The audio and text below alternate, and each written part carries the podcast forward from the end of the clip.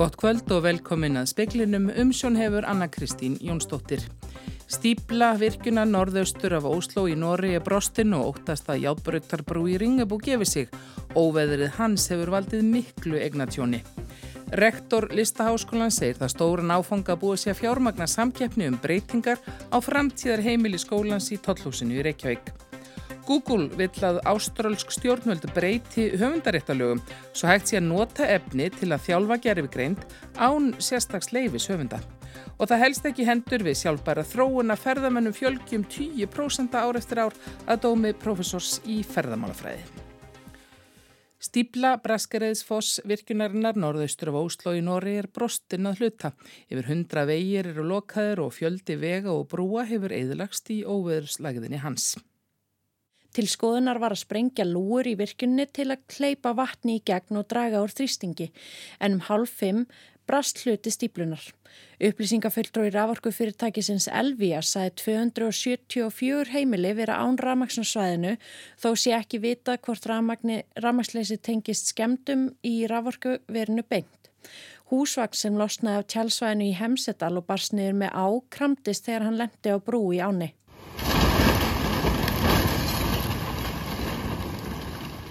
Stjórnvöld, laureglan og vegagerðin í Noregi hafa beðið fólk og fyrirtæki um að býða með alla ónöðsynlega umferð á vestu, vestu flóðasjæðinum. Yfir hundra vegir eru lokaðir og margir vegir ófærir vegna öskreið og flóða. Fjöldi vega og brúa hefur eðlast í óveðinu og fjöldi þorpa og bæja eru einangraðir. Jónas Gar Störi, fórsettisráþra og Emíle Engar Mel, orkumálaráþra, funda með forstjóra Vass og orkumálastofnuna Noregs í kvöld. Óveðslægin hans hefur valdið miklum skemmtum í landinu í vikunni og hleypur tjón vegna veðusins á 100 miljóna norskra króna. Íngibjörg Sara Guðmundsdóttir tók saman og nánar verður fjallega um þetta sinna í speklinum. Búið er að tryggja fjármakt til að ráðast í samkeppni um breytingar á tollhúsinu. Þangað flyttur Listaháskóli Íslands. Rektorni segir að framtíðar húsnæði verð ekki tilbúið fyrir eftir nokkur ár. Rúmlega 600 nefnendur stundan ám við skólan í vetur. Þetta er þetta bara mjög stór áfangi og mikil segur í bara sögu lista og menningar á Íslandi og eftir að hafa mikil áhrif á, á framgang listana í okkar samfélagi á næsta áratugum. Þannig að við erum þetta bara gríðarlega ána með þennan áfanga að þessu, þetta sé komið í gegn. Segir Kristín Eisteinsdóttir sem í byrjun þessa mánuðar tók við sem rektor Listaháskólans. Í fyrra var skrifuð undir viljavíliðsíngu um að framtíðar heimili skólans verði í tollhúsinu við Tryggvagötu en hann hefur verið starrektur í mörgum byggingum í höfuborginni. Bara mjög mikilvægt mál fyrir Listaháskólan að komast undir eitt þak og mun ánefa auðga menninguna og mannlifið í miðbænum og mun vera mikið reyðafl þetta, þetta nýja hús. Kristín segir skipta máli fyrir gæðin ámsins að skólinn sé á einum stað. Framundan er samkeppnum breytingar á tóttúsinu en hvenar verður þeim lokið.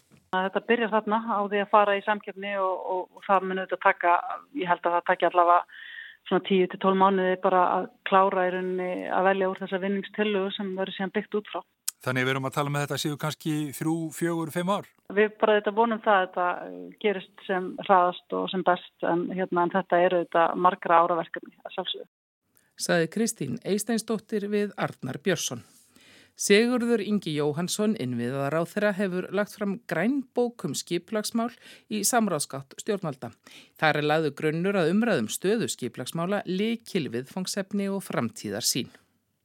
Ég setti fram einhver 8-9 áherslu punta og það eru svona 14 líkil viðfangsefni í þessu. Þetta er þetta mjög viðfæmt.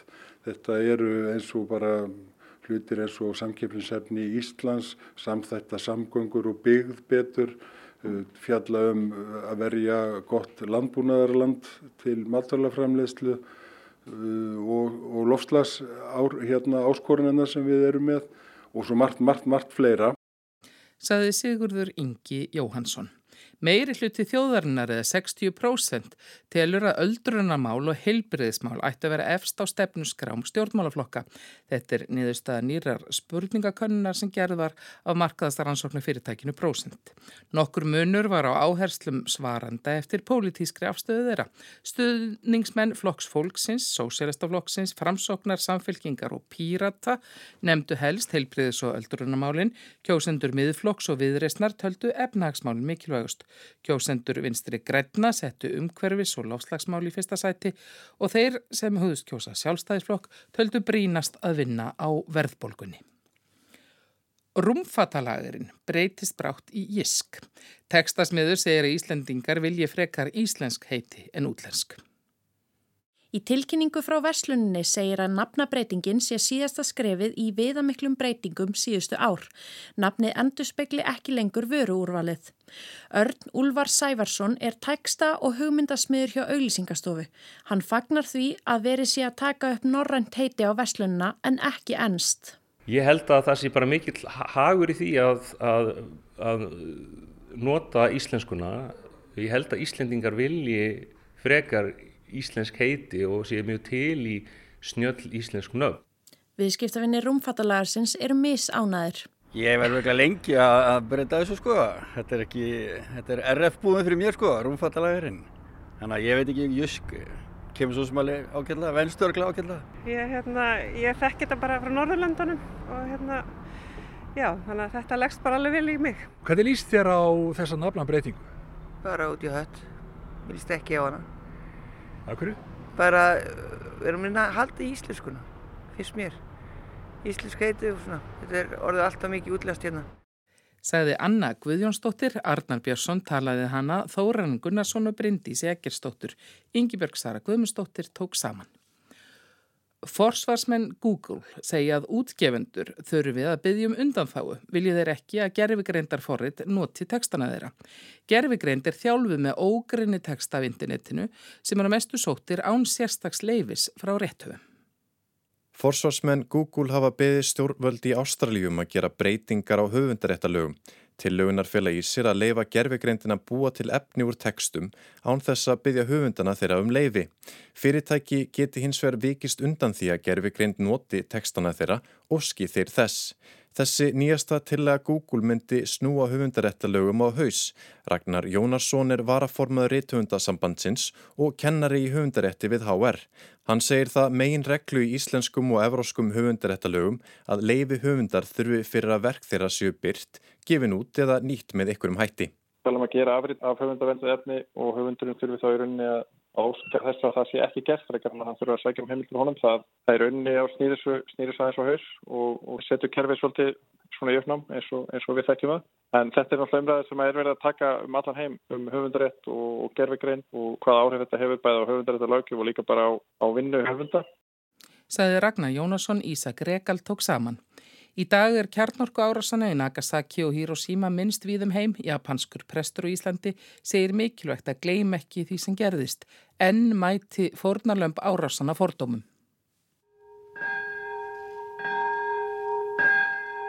Klukkan tvær mínútur yfir 11 í japansku borginni Nagasaki var bjöllum ringt við Nagasaki fríðarmiðstöðuna á þeim stað þar sem kjarnorku springju var varpað við borginna fyrir 78 árum.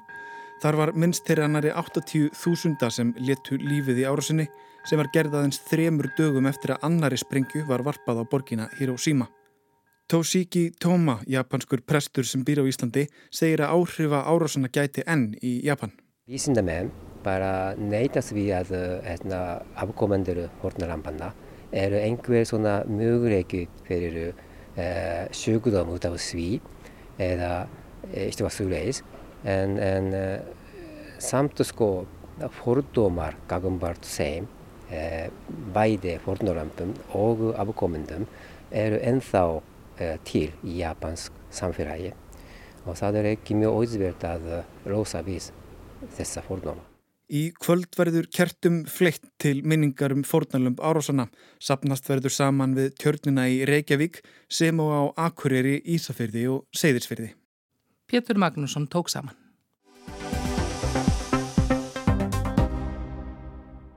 Óveðrið hans leikur normenn en grátt. Norsk stjórnvöld hafa beðið um að gera sér hlið á öllum þungaflutningum í landinu og fyrir dag var rættum að þurft að sprengja lokur í virkunni Glommu í Östurdal þar sem flætti yfir stíplu og inn í stöðvarhúsið. Gísli Kristjánsson, hvernig fórmið þetta þurftum en að sprengja? Það var aldrei sprengt en uh, stíplan brast og, og, og þannig að áinn flæði nú bara frálst nýður eftir og glommu þannig að menn sáu fram að það er því sama tjón af því að sprengjan eins og að býða eftir að hún, hún færi nýður þannig að núna er, núna er spennan þar úr sögunni en það er mjög víða, mjög alvarlegt ástand meðfram helstu stórfljótum hér. Og það er glomma og það er svo á sem rennur í gegnum uh, drammen á báðu þessum stöðum er, er óttast menna fleiri brýr fari og, og það verður meir, enn meira tjón en orðið er. Og þetta er orðið mikið eignatjónir það ekki þó þetta hafi ekki verið orðið mannskadar, svo það sé. Já, já, það er það sko og það var að rekna nú áðan að í íslenskum krónum tali þá er það tala um 12 miljardar sem, sem, sem hafa verið kröfur á, á tryggingafélagin að borga þannig og það getur komið ennþá meiri í ljós síðar en, en það er talað um í, eða reknaður í íslenskum krónum 12 miljardar tjónið. En þannig þar sem að stíplan brast, eh, menn átt, hafiðu menn áhyggjur af því að kemi bara flóðbylgi eða eitthvað slíkt eða var, var það ekki? Jú, það kom eh, semst, hús sem standa alveg ára bakkan og voru rýmt áður en að þetta fór þannig að það kemur svona nokkur flóðbylgi en kennst ekki eins mikil og menn óttuðust ef, ef stíplan færi í heilu lægi. Hún er eiginlega hálf brast fyrst þannig að en það var búið að rýma hús þarna fyrir neðan og e, fólk ekki talið í hættu. En það talið um að það sé búin að rýma, 2000 manns hafi orðið að yfirgefa heimilin sín núna í dag og, og vegna þess að þessi mikli vassflaumur er á leið til sjávar. Og það er það ekki líka ótast að jáfnvel að enn geti hækkað í ám?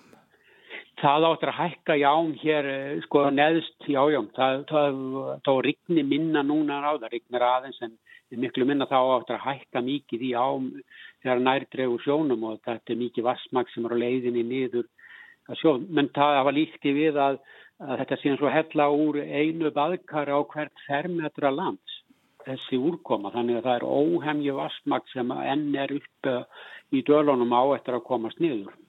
Og það flýtur yfir vegi víðar eins og við sögðum henni upphafið það er búið að byggja mennum að, að hætta allum þungaflutningum, það er nú vendalega vegna sem henn hafa áhyggjur á ástandi vega.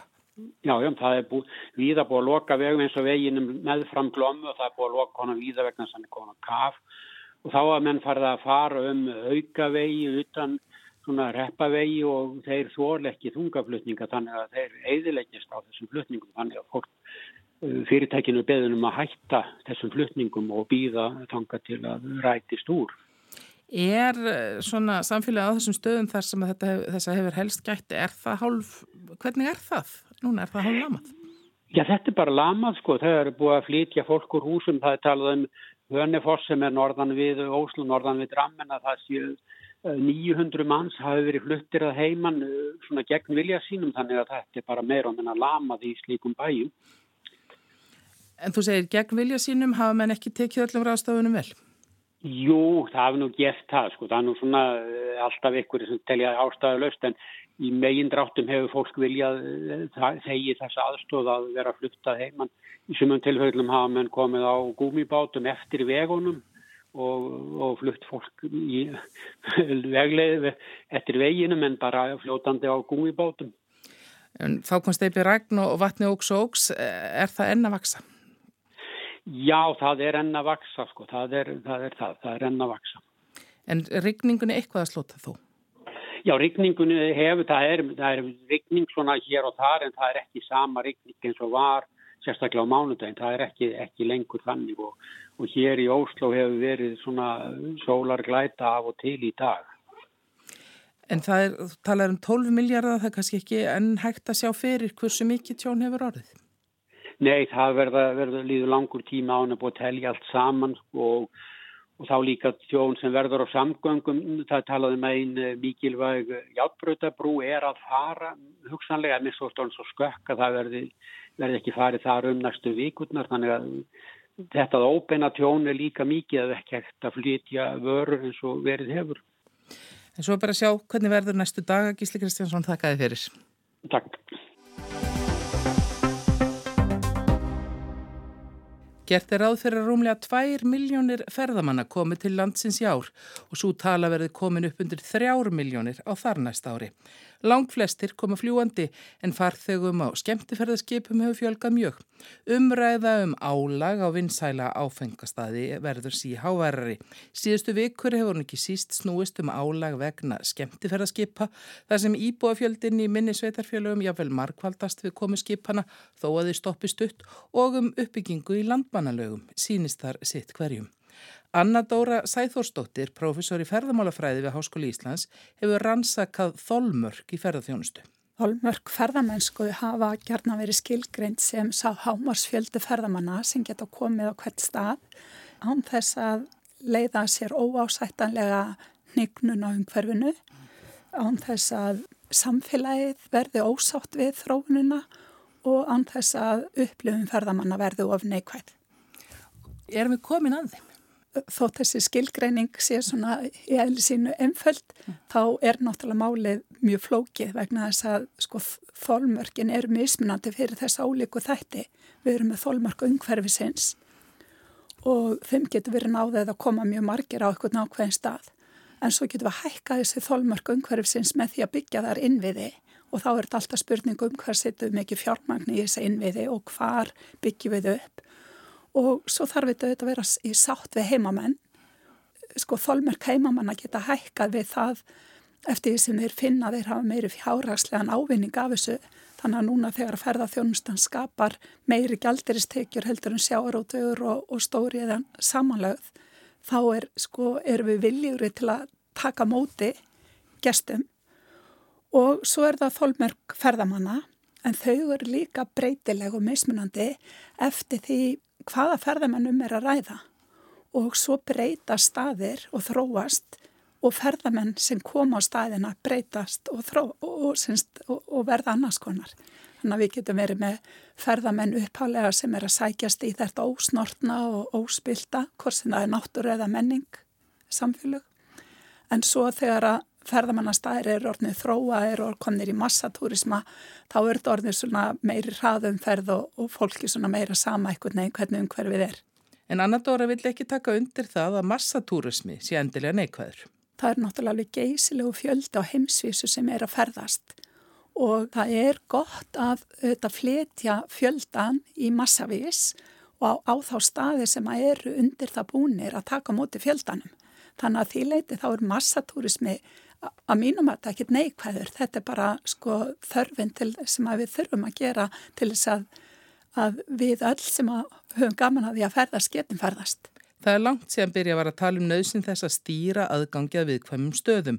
Anna Dóra segir að margt hafi verið gert víðam um land en það hafi ekki haldið í við þennan öru fjölgunferðamanna sem hingað koma og það er standi upp á hið ofinbera ég myndi segja stjórnvöld hafa ekki stíin og markvist inn við, við grunn uppbyggingu til þess að geta tekið á móti ferðamennum.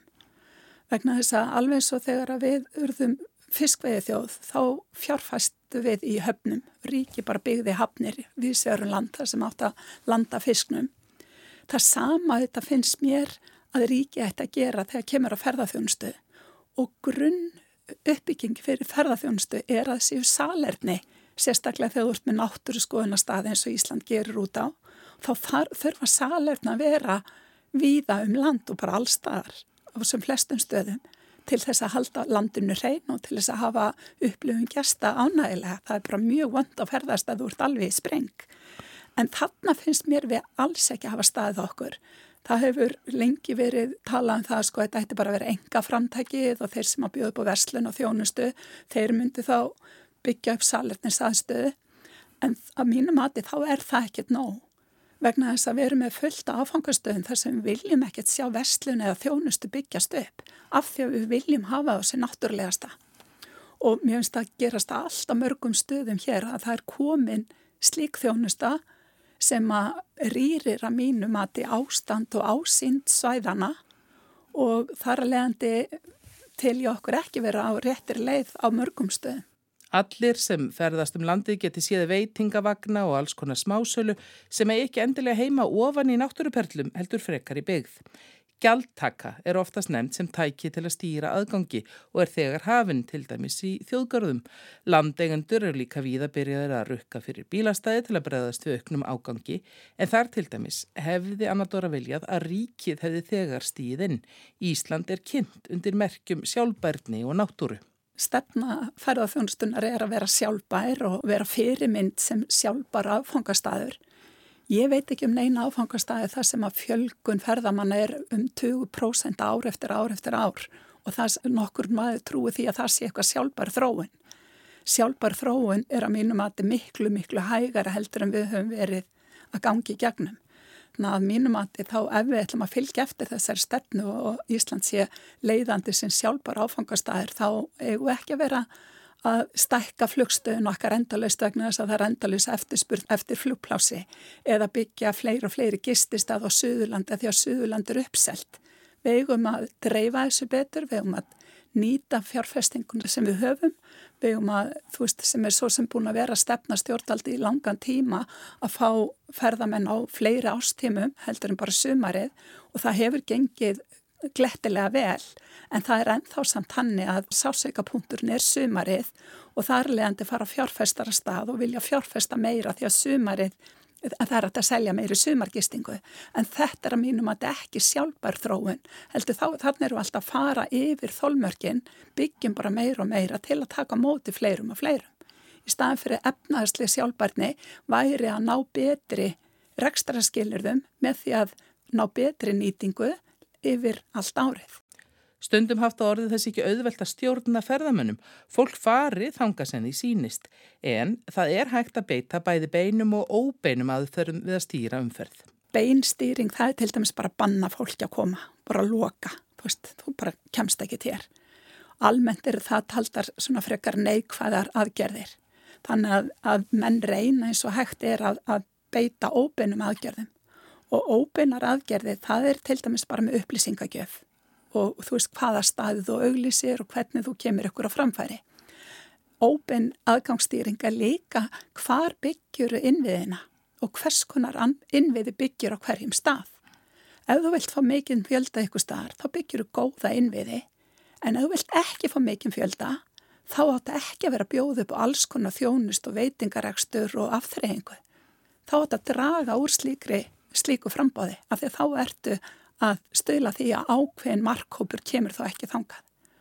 Og svo náttúrulega með áfram með innviðina, vegakerfið okkar, það náttúrulega stýrir því heil mikið hvert ferða, ferðamenn fara. Ferðarþjónustan berðist lengi vel fyrir bættu aðgengi á hinn á þessa staði. Bætt aðgengi er gott ef þú vilt fjölga ferðarfólki á viðkomandi stað en ef þú vilt síðan ekki fjölga fólki ekkert þá ætti ekki að berjast fyrir bætt aðgengi. Af því að bætt aðgengi þýðir jú meiri fjöldi, meiri fjöldi þýðir aukið álág umhverfi, það þýðir, það þarf að byggja meiri innviði. Og ef að fleiri innviðir eru byggðir á öðru þjónustustegi heldur en var, þá kemur annar markkópur, núverandi mark markkópur hættir þá að koma á staðinn og massatúrisma þróunum fer að stað. Anna Dóra segir að gögn skorti um upplifun og þolmörk ferðamanna. Sjálf gerði hún rannsóknir framöndu 2014 á upplifun ferðamanna á nokkrum stöðum á hálendinu. Það er ekki sett fjármagn í svona rannsóknir. Þannig að við veitum ekki frá því að ég hætti að gera þessar rannsóknir á mörgum stöðum á hálendinu, þá erum við ekki með gögn um það hvað ferðafólki finnst.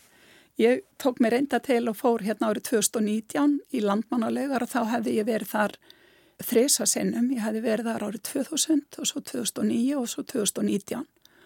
Það er rosalega mikilvægt í allir þróunavinnu að vita hvernig þróunin er og þar sem að þessa rannsóknir leiti ljós að það hefur orðið heilmikil breyting á þessum áfangastað á 20 ára tímabili og það sem er mest sláhandi sko það er akkurat þólmörk ferðamanna árið 2000 þá upplöfuðu um 20% að væri of mikið að ferðafólki. Árið 2009 þá var þetta komið upp í það að vera þriðjöngur þeirra þar sem að þanga komu. Árið 2019 þá var þetta tæpur helmingur sem að kom til landmannulega sem að taldi vera of mikið af fólki hana. Sæði Anna Dóra Sæþórsdóttir. Réttur halfur mánuður er fram að fyrstu sjónvarpskapraðum hópsins sem gefur kost á sér í fórsetar frambóð fyrir republikana í bandaríkjónum á næsta ári. Að sagn fjölmiðla vestra hafa áttaframbjóðundur tryggt sér réttin til að taka þátt í forvalinu samkvæmt reglum landsnemdar flokksins. Nýju til viðbótar hafa frest til mánudagsins 21. ágúst til að uppfylla skilirði nemdarinnar. Bandariska Fox sjónvarpsfréttastöðin sendur kapraðurnar út frá Fæsjú í þróttaleikvanginum í Milwaukee í Wisconsin. En liggur raunar ekki fyrir hvort sá sem mest fylgi hefur meðal republikana allar sér að taka þátt í þeim. Donald Trump lísti því yfir strax í vor að hann sæi ekki tilgangin með því. I mean, seriously, you look at the boards and you see these things 1%, 1%, 2%, 1%, 3%, and you're looking at these numbers and I'm, and I'm, we're at 60 and 70%. Why would you do that? Lítið á tölurnar 1%, 1%, 2%, 1%, 3%. Svo er ég með 60 til 70%. Til hvers á ég að mæta, spurði Trump og bætti við. You want intelligent people, don't you, to be running your country? But I do look forward to the debate with uh, Joe. Þið viljið að vitiborið fólk gefi kost á sér, er það ekki? En ég hlakka til kapraðinana við Joe. Satt best að segja lítur þessa dagana ekki út fyrir að Donald Trump fái harða samkeppni í valinu um frambjóðanda republikanaflokksins. Nýjasta konun, alþjóðlega rannsóknar fyrirtækinsins Morning Consult, var tekin uh, dagana 4. til 7. ágúst. Samkvæmt henni ætla 59% að kjósa Trump. Og eftir honum kemur Ron DeSantis, ríkistjóri í Flórida, með 16%. Aðrir ná ekki tveggjast af að tölu. Vegið meðaltal síðustu sjö kannana vestra sínir að Trump hefur 38% stega forskot á DeSantis. Miðað við þessa útkomi verðist nokkuð í að Ron DeSantis verði svo vonar stjarnar í republikanafloknum sem margir vonuðust til að hann yrði. Hann þykir reyndar hafa sveipaðar stjórnmálaskoðanir og Donald Trump en vera klárar í kollinum og minna fyrir leikræna tjáningu. Um miðjan janúar eh, virtist hann saksa verulega á forskott fórsetans fyrverandi. Þá var hann með 30% af fylgi og Trump með 44%. Síðan hefur stöðugt síð á ógæfuhliðina og fylgið við DeSantis hefur ekki mælst minna núna það sem aðver ári. Þegar staðin er orðins vona verður að grípa til örþrifaráða. DeSantis greip til þess ráðs í gærað reka Generu Peck, kostningastjóra sinn og skipa James Uthmæður, starfsmannastjóra ríkisstjóra ennbættis í Flórida í hennar stað. Hún styrði baráttunni þegar hann segraði andstæðingsinn með fáheirðum yfirbörðum í ríkistjórakostningunum síðastliðu haust. Það var eh, David Poljanski, þaul reyndur baráttu í Jaksli republikanafloknum, skipaður aðstóðar kostningastjóri í gær. Genera Peck eh, fær hlutverk ráðgjafa. Í frétt AFP fréttastofunar segir að DeSantis hafi rekið þriðjung starfslið síns að undanförnu vegna síhrapandi gengis í skoðanakönnunum. Haft er eftir talsmanni ríkistjórans að þessi uppstokkun eigi að verða til þess að koma bóðskap hans á framfæri við þjóðina. Tími sé komin til að stígu á bremsuna, snúa við nignuninni sem ríkt hefur undanfærin ár og hefja bandaríkinn til vex og virðingar að nýju. Ekki hefur farið á milli mála undanfarna mánuði að litlir kærleikar eru með Donald Trump og Ron DeSantis. Skömmu eftir að sá síðar nefndi var endur kjörinn ríkistjóri, lísti Trump því yfir að hann væri ekkert annað en meðaljón í stjórnmálum. Hann varaði DeSantis jáfnframt við að sækjast eftir forsetta ennbættinu. Í frettathætti MBC sjómarpstöðvarinnar síðasta sunnudag var fjallað um baráttu til Santis fyrir að verða útnemdur fórsetta frambjóðandi republikana. Frettakonan Dasa Burns baðan um að svara því með einföldu já eða neyi hvort Donald Trump hefði tapað fórsettakostningunum árið 2020. Hann færðist undan við að svara, sagði einungis að sá sem legði hönd á Helga Bók 20. janúar fjörða hvert ár væri sigurvegarinn. Þegar Burns gekk hart eftir svari kom það loksins. Of course he lost. Uh, uh Trump lost the 2020 election. Of course. Uh, okay. Uh, Joe Biden's the president. Margir sem hafa gefið kost á sér í forvali republikana flokksins eru fyrirverandi samherjar Donald Trumps. Chris Christie, fyrirverandi ríkistjóri í New Jersey, er gammal vinur hans. Upp úr vinskapnum slittnaði eftir kostningarnar 2020 þegar Christie kvatti Trump til að viðurkenna úrslitin og mæta til innsetningaratabnirinnar við þingúsið í Washington. He left me I didn't leave him. Hmm. He left me. He kept moving further and further into crazy land. Hann sleitt vinskapnum ekki ég og síðan hjælt hann lengra og lengra inn í brjálheima, sagði Kristi í viðtali við frettamann CBS. Hann bætti við að Trump ætti ekkert erindi í baróttuna. Hann eitti svo miklu fjö í lögfræðinga að hann ætti lítið aflögu til að tryggja sér útnefningu. Síðasta ársfjörðung hefði lögfræði kostnaðurinn en numið 40 miljónum dollara og það áður en tvær síðustu ákerurnar gegn honum komið fram. Það verður vaksandi austanátt við að góla eða kalda morgun en allkvass vindur siðst, dáli til rigning, sunnan og vestalands og áfram verður hlít. Fleiri er ekki í speklinum í kvöld, tæknimaður var Mark Eldredd, veriði sæl.